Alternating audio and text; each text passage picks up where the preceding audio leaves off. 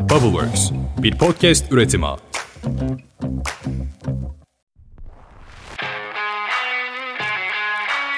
Evet sevgili dinleyiciler Good Innovation Podcast kanalından herkese yeniden selamlar.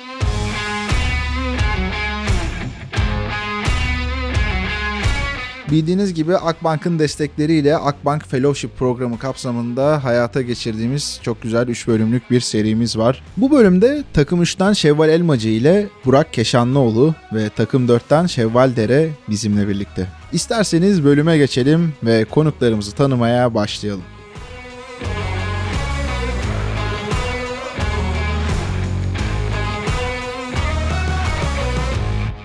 Merhaba, ben Şevval Elmacı. Abdullah Gül Üniversitesi'nde bilgisayar mühendisliği okuyorum. İkinci sınıftayım. Hobilerim aslında spor yapmak başta olmak üzere. Powerlifting sporu ile ilgileniyorum. Güç sporları ve dövüş sporları ile ilgileniyorum. Süper. Tehlikeli bir konuğumuz var. Hayırlı uğurlu olsun. ee, o şekilde. Onun dışında sürdürülebilirlik hedefleriyle ilgili olarak nitelikli eğitimle ilgileniyorum. Çünkü Abdullah Gül Üniversitesi'ndeyim, Kayseri'deyim. Bütün hayatım Konya'da geçti. İstanbul, Ankara, İzmir gibi büyük bir şehirde bulunmadım. Ve bu yüzden ekosisteme çok uzak hissediyorum kendimi. Bu yüzden benim için en önemli hedef nitelikli eğitim diyebilirim. Süper. Sanırım bu süreç içerisinde deneyimlediğin konular arasında buradan da bir şeyleri belki açarız gibime geliyor. Burak bir seni de tanıyalım. Tabii ki. Merhaba herkese ben Burak. Edirneliyim. Ege Üniversitesi'nde Uluslararası İlişkiler son sınıf öğrencisiyim. Kırsal kesimde doğdum büyüdüm ve 19 yaşına kadar çok fazla fırsat eşitliğinin olmadığı bir coğrafyadaydım. Ve böyle üniversiteye geçince öğrenci kulüpleri, topluluklar, sivil toplum kuruluşları, vakıflar derken kendimi her zaman geliştirecek alanlar arıyordum. Üçüncü sınıfın ikinci döneminde Budapeşte'de Erasmus yaptım ve Erasmus'tan döndükten sonra son sınıfımı nasıl daha iyi geçirebilirim derken Akbank Fellowship'in çağrılarını rastladım. Zaten daha önceki fellow'ları LinkedIn üzerinden takip ediyordum ve neler paylaştıklarını, hangi içeriklerle ilgilendiklerinin farkındaydım. Sonra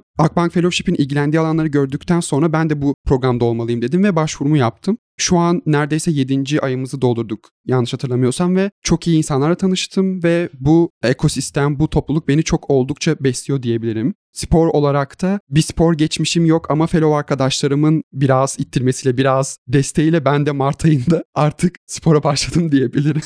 ne güzel. Teşekkürler. ne güzel. Böyle arkadaşlıklar kurmak değerli işte. Evet.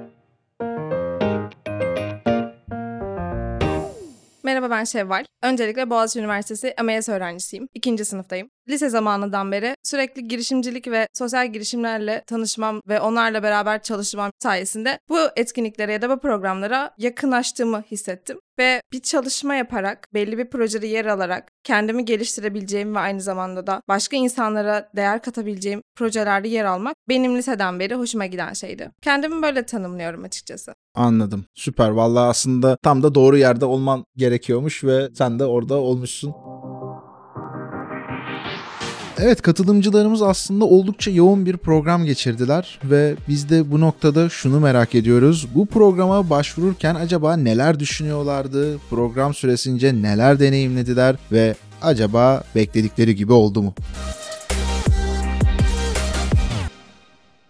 Şöyle başlayabilirim aslında. Az önce de söylediğim gibi şu anda Kayseri'de okuyorum ve Konya'da büyüdüm. Bu yüzden girişimcilik ekosistemine çok uzak hissediyorum kendimi. Yeni şeyleri çok kaçırıyormuş gibi hissediyorum ve bu yüzden aslında internetten çok fazla arama yaparak Akbank Fellowship'e ulaştım. Ve daha sonrasında sanırım aradığım şey bu dedim. Çünkü 20 kişiyi görmüştüm bir önceki dönemden. Ve hepsi çok farklı yerlerde, çok farklı alanlarla ilgilenen insanlar. Dedim ki neden olmasın? Neden bu programa katılmayayım? Başvuru sürecim bu şekilde oldu. Daha sonrasında mülakatlara girdik, seçildik, tanıştık. İlk tanışmamız İstanbul'daydı. Buraya geldiğimizde yine aslında beklediğim şey tam olarak buydu. 20 kişi, hepsi çok farklı alanlarla ilgileniyor. Farklı üniversiteler, farklı bölümler, farklı topluluklarda bulunan 20 farklı kişi ve aslında 20 farklı bakış açısı. İlk buluştuğumuzda çok heyecanlıydım, çok mutluydum. Çünkü aslında beklediğim tam olarak buydu. Daha sonrasında ilham sohbetlerimiz başladı. Kendi aramızda daha kaynaşmaya başladık. Yüz yüze görüşmelerimiz başladı. Ve bu şekilde benim için çok heyecanlı ve mutlu bir süreç başlamış oldu diyebilirim. Şimdi de buradayız.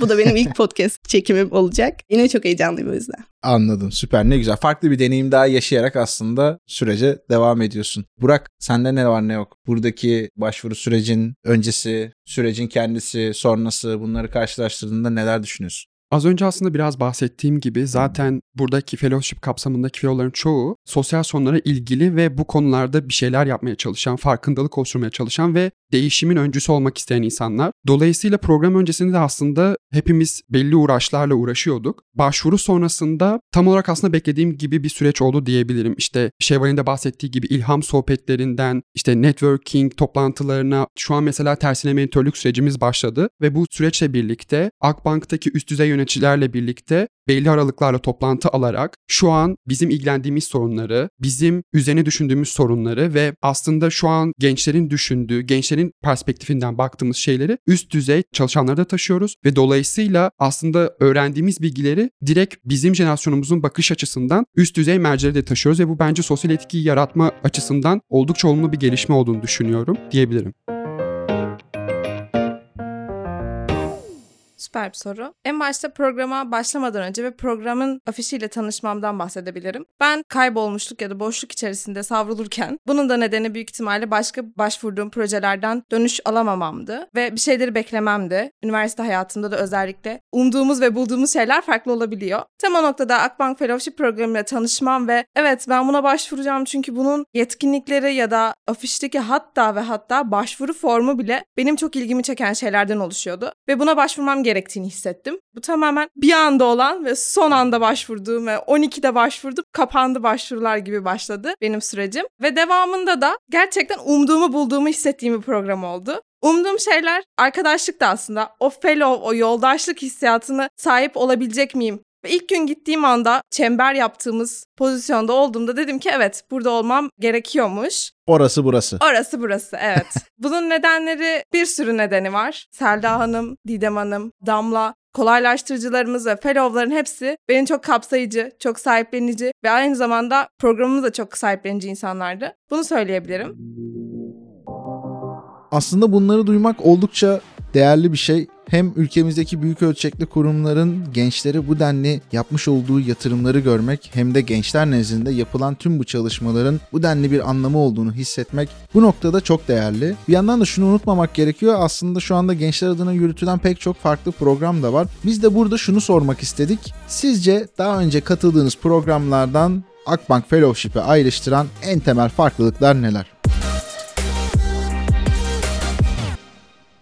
Akbank'ı diğer programlardan ayıran en önemli özelliklerden bir tanesi bence. Az önce bahsetmiş olduğum gibi Türkiye'deki çoğu program veya kuruluş diyebilirim. Gençleri sadece onlar bizim geleceğimiz, onlar yarınlarımız deyip aslında gençleri çok fazla özne içerisine almayan bir bakış açılarına sahipler. Ancak biz Akbank'ta direkt fikirlerimizle, düşüncelerimizle ve herhangi bir üst alt ilişkisi olmadan herkesin kapsandığı, çeşitliliğe önem verildiği ve merkeziyetsiz veya çemberlerde buluştuğumuz bir süreç oldu diyebilirim yani. Hani ben bu süreç boyunca herkesten ama herkesten bütün fellow arkadaşlarımdan çok fazla şey öğrendim ve çok fazla beslendiğimi düşünüyorum. Bugün şu an benim kendim hariç 19 tane çok yakın ve güvendiğim, her an arayabileceğim ve Şevval işte sen bu konuda ilgileniyordun işte Burak sen şununla ilgilendin abi şu şöyle bu böyle falan deyip arayabileceğim çok güzel insanlar var. O yüzden bu beni çok iyi hissettiriyor.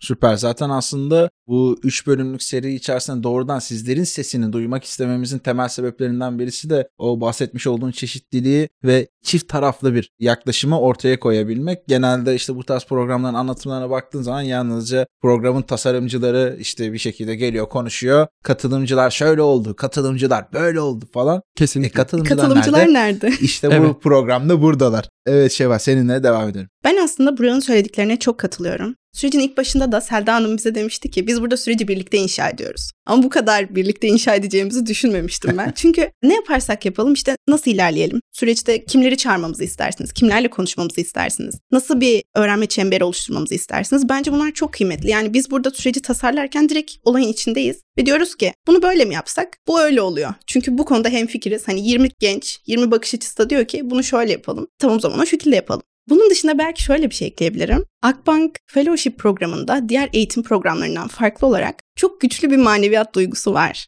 Mesela manevi tarafa örnek vermem gerekirse Lösevic'in mandalina bahçesine gittik ve orada 20 kişi mandalina topladık. Mesela bu benim için çok değerli bir deneyimdi ve başka bir eğitim programında karşılaşabileceğimi düşünmüyorum aslında. Yani evet biz öğrenmeliyiz, kendimizi geliştirmeliyiz ama bir de manevi tarafı var işin. Mesela Akbank sanat buluşması yaptık. Çok değerli bence sanat ve işte bu manevi tarafa da destek olmak. Bunları söyleyebilirim. Ben burada şey demek istiyorum. Anahtar kelimem benim bence fellowship'te yoldaşlık. O yolda olma halinde etrafımda olan insanların bana kazandırdıkları ve her zaman arkamda duracaklarını hissiyatı benim için çok değerli. Bu programda da tamamen aynısı oldu. Yani bu programı yapımcılarından, sponsorlarından ve tutun benim programdaki arkadaşlarıma dahil herkes ne zaman bir sorunum olsa, ne zaman bir şey sorsam ve çekincelerim de olsa bana hemen dönüş yaptılar. Bunu ortadan kaldırmak ya da düzeltmek için çaba sarf ettiler. Bu benim için çok değerliydi. Ve ben de aynı şekilde onlara bu değeri yansıttığım ve devam ettiğimiz için karşılıklı bir etkileşim oluyor ve sürekli o çember kopmamaya başlıyor. Evet burada öne çıkan farkları da daha iyi anladığımıza göre katılımcıların süreç boyunca edindikleri önemli deneyimlerden bir tanesi de olan aslında buradaki inovatif yaklaşımlarla iş fikri geliştirme süreci vardı ve bu sürecin içerisinde ne gibi iş fikirleri geliştirdiklerini kendilerine sorduk. Buyurunuz dinliyoruz. Ben hemen başlayayım. Biz daha sürdürülebilir ve öğrenci dostu şehirler için çalışıyoruz. Bununla ilgili olarak Utopicity projemizi oluşturduk. Utopicity aslında eğer teknolojisiyle şehirlerini gezerek interaktif bir şekilde sosyalleşmesi ve öğrencilerin şehirle bağ kurmasını sağlayan bir mobil uygulama. Biz aslında şehirlere genç bakış açısıyla bakmak istedik. Çünkü sürdürülebilir şehirler, sürdürülebilir topluluklar dediğimiz zaman aklımıza ne geliyor? Kentsel atıklar geliyor, trafik geliyor, şehrin yerleşkesi geliyor.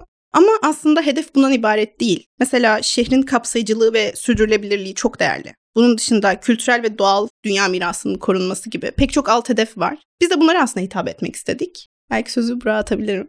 Şöyle aslında biz sorun tespiti yaparken kendimizi bunun içerisine katmak istedik ve bir genç öznesi olarak, gençlik topluluğuna ait olarak dedik ki yani biz nelerle uğraşıyoruz, ne oluyor falan dedik. Baktık ki ben şu an lisans 4. sınıf öğrencisiyim ve sadece üniversiteye bir sene gidebildim. Ve hani şu anki öğrencilerin büyük bir çoğunluğunun sorunu aslında tam olarak nerede yaşadıklarının belli olmadığı, hangi şehre aitler, bir aile evine gidiyorlar, geliyorlar. İşte sosyal ve sanatsal etkinliklere bazı sorunlardan dolayı katılamıyorlar. Bunda işte geçtiğimiz mesela Şubat ayında bir deprem felaketi yaşadık. Yine üniversiteler online sürece döndü ve biz bu konuda neler yapabiliriz diye düşündük. Sonra baktık bazı raporlar okuduk. Dedik ki aslında Türkiye'deki şehirlerin çoğu aslında genç kapsayıcı şehirler değillermiş. Bu konuda ne yapabiliriz? Baktık mesela sosyal, sanatsal ve kültürel faaliyete katılamayan gençler, öğrenciler ruhsal ve iyi olma hali açısından kendilerini dibe doğru gitmekte görüyorlar falan. Utopicity projesini oluşturduk diyebilirim.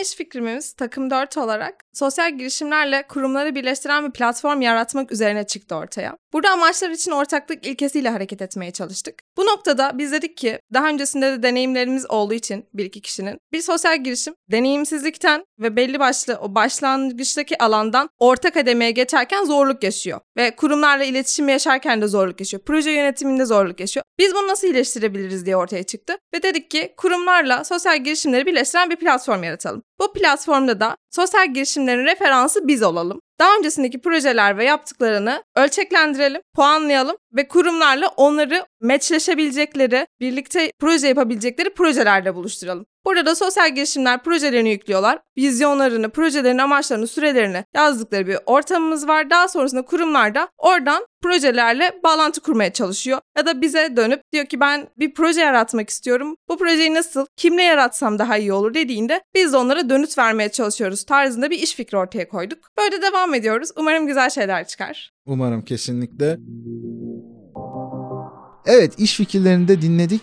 Bence özellikle üniversite çağlarında veya kariyerine yeni başlarken inovatif yaklaşımlarla, yalın girişimle, lean startup'la böyle bir girişimi hayata geçirme deneyimini yaşamak ve öğrenmenin ötesinde de aslında bunu gerçek anlamda deneyimliyor olmak oldukça anlamlı bir şey. Bu hayatımızda da bir şeyleri değiştiren yerlere doğru bizleri götürebiliyor. Biz de bu noktada katılımcılarımızda acaba ne gibi değişimler oldu? Bundan sonrasında hayatlarında neyi daha farklı yapacaklar ve onların gelişimine nasıl katkılar sağladı? Bunları sorduk. Şimdi cevapları dinliyoruz.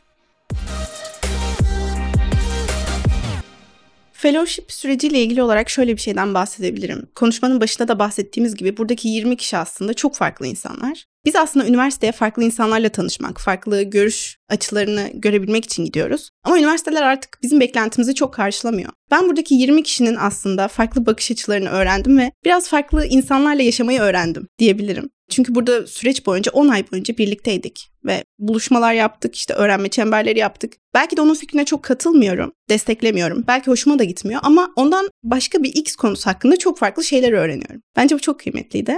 Going tarafıyla ilgili olarak da bu aslında bizim yaptığımız ilk girişim projesiydi. Ben ikinci sınıftayım ve ikinci sınıfta bir girişim projesi oluşturmak üniversite öğrencisi için bence çok kıymetli. Bu tarafta da böyle bir destek aldık diyebilirim. Süper. Burak sen neler eklemek istersin? Ben fellowship süreciyle alakalı şunu söylemek istiyorum. Bir son sınıf üniversite öğrencisi olarak fellowship programı öncesinde daha fazla böyle formal eğitim metotlarına çok daha bağımlı birisiydim. İşte bir hoca gelsin, bana bir şeyleri anlatsın. Sonra işte hoca gitsin, biz dersimize çalışalım. İşte onun anlattıklarını tekrar kağıda yazalım falan gibisinden. Fellowship süreciyle Şevval'in de bahsettiği gibi az önce aslında çok çeşitliliğe önem verilen, ondan sonra farklı bakış açılarından insanların bir arada bulundukları ve birbirlerini besledikleri süreçler yani informal eğitim metodu olarak anabiliriz belki bunu. Daha çok çemberlerde bulunmanın, o üst ve alt ilişkinin aslında çok da sağlıklı olmadığının farkına vardım diyebilirim. İkinci olarak ben de bir sosyal bilimciyim ve çok fazla işte gerek pandemiyle birlikte gerekse işte dezavantajlı bir bölgeden gelmem nedeniyle çok fazla girişimcilik eğitimi almadım. Going süreciyle birlikte aslında takım çalışmasının ve bir şeyleri birlikte yaratmanın aslında ne kadar daha kolay olduğunu, iyi bir takımla her şeyin başarabileceğine inandığım bir süreç oldu diyebilirim. Kesinlikle iyi bir takım olmayacak denilen işi unicorn da yapabilir. Kötü bir takım ya ne güzel bir konuymuş kesin patlayacak çok güzel olacak denilen bir işi batırabilir. Kesinlikle. Takım her şeyden önce gelir çok da önemli bir şey. Son soruya da geleceğim ama bir çember yaklaşımından, öğrenme çemberlerinden aslında çok burada bahsedildi. Böyle bir iki cümleyle dinleyicilerimizin aklına daha iyi oluşması için orayı birazcık açabilir miyiz? Aslında burada çember derken şunu kastediyoruz bir merkezin olmadığı ve herkesin kapsandığı ve çeşitliğe önem verildiği ve fikirlerini özgürce ifade edebildiği ve fikirleri dolayısıyla yargılanmadığı bir ortamdan bahsediyoruz. Kısaca böyle açıklayabilirim diye düşünüyorum. Tamamdır süper. Bence zaten oldukça net. Çok güzel bir örnek vereyim. Şu anda burada olmam ve sizinle podcast çekmem. Bu başlı başına diyorsun farklı. başlı başına. Bayağı bir başlı başına. Süper hem de. teveccühün çok sağ ol. Bunun nedeni de daha öncesinde birazcık bu şeylerden korkmamdı. Kendimi nasıl ifade edeceğim, insanları anlayacak mı soru soruyorum. Acaba dönüt alacağımda ne düşünüyorlar benim hakkımda gibi türlü türlü bir sürü kafamda soru vardı. Anksiyete sebepleri. Burada şunu fark ettim. Soru sorduğunda karşıdaki insan senin o soruyu neden sorduğunda değil, o sorunun cevabıyla ilgileniyor. Ben fellowship'te fark ettim. Ve hatta bazı olaylara bakış açımın insanlar tarafından anlaşıldığını ve Şevval bence şunu şöyle yapsan daha güzel olur. Bak sen bunu böyle yapıyorsun ama bu sana zararlı. Bunu bence hani gel şöyle yapalım. Hadi şunu deneyimle diye dönüştürüldüğünü fark ettiğim anda başlı başına farklı yollar açıldı bana. Ve büyük ihtimalle bu programdan çıktığım anda da bu programdan tabii ki de çıkmayacağım çünkü alümni olarak devam edeceğiz. bu sonsuz bir aile kavramı. Daha farklı programlarda ya da daha farklı platformlarda daha farklı bir şevval olarak sorulara cevap vereceğimi, soru soracağımın farkındayım. En çok kattığı şey bu olabilir benim için. Ve geldik bölümün sonuna. Burada bizi dinleyenler arasında belki de önümüzdeki yılın Akbank Fellowship katılımcıları olduğunu da düşünerek sizleri başvuru sürecinde destekleyecek tiyolarla buluşturmak adına katılımcılarımıza gelecek sene bu programa başvuracak kişiler için neler tavsiye ettiklerini sorduk.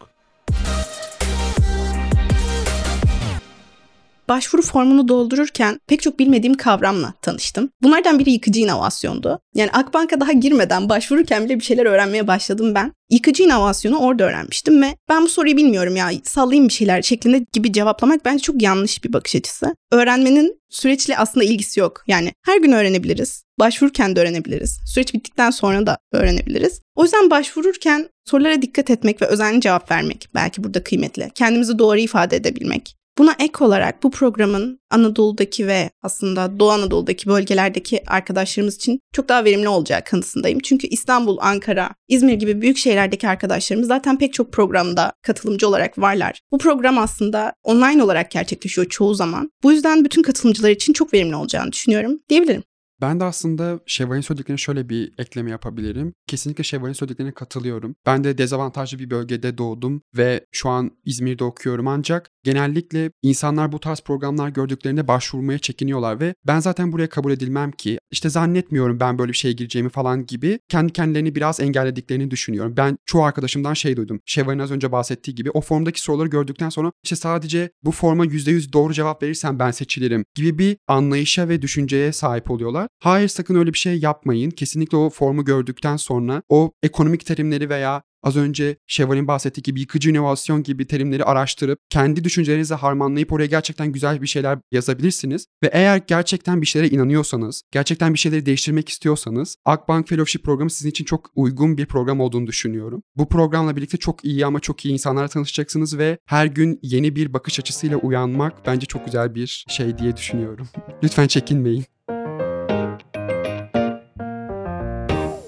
Tavsiye vereceğim şey en başta korkmamaları olacaktır. Çünkü okul hayatımız, sınavlarımız ve başvuracağımız programlar bizi endişeye sürükleyebiliyor. Bu programın uzun olması, yoğun olması, ben bu programı neler katabileceğim noktasında bazı soru işaretleri atabiliyor. Bence buradaki düşüneceğimiz şey anlayış çerçevesinde insanların birbirleriyle olan alışverişleri olabilir herkesin bir noktada yoğun olacağının, bir sorununun çıkacağının, hepimizin insan olduğunu farkında. Bunun haricinde de bu programdan bence beklentilerinin ne olacağını kendileri karar vermeliler ve bunu karşılayabileceklerini düşündükleri noktada da bence başvurmaları gerekiyor.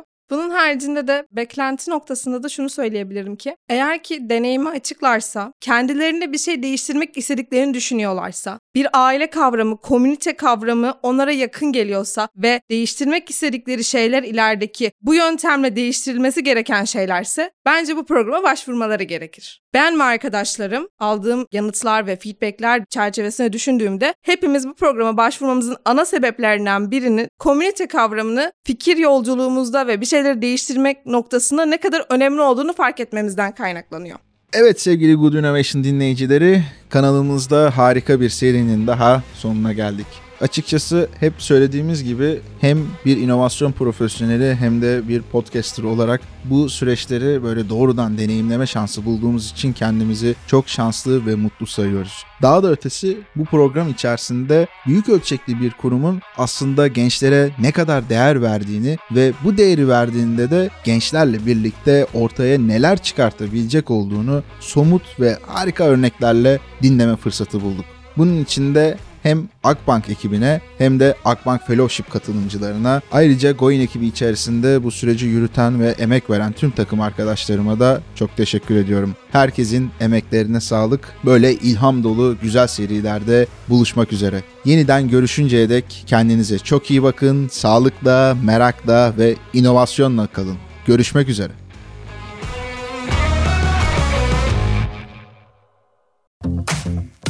Bubbleworks bir podcast üretimi.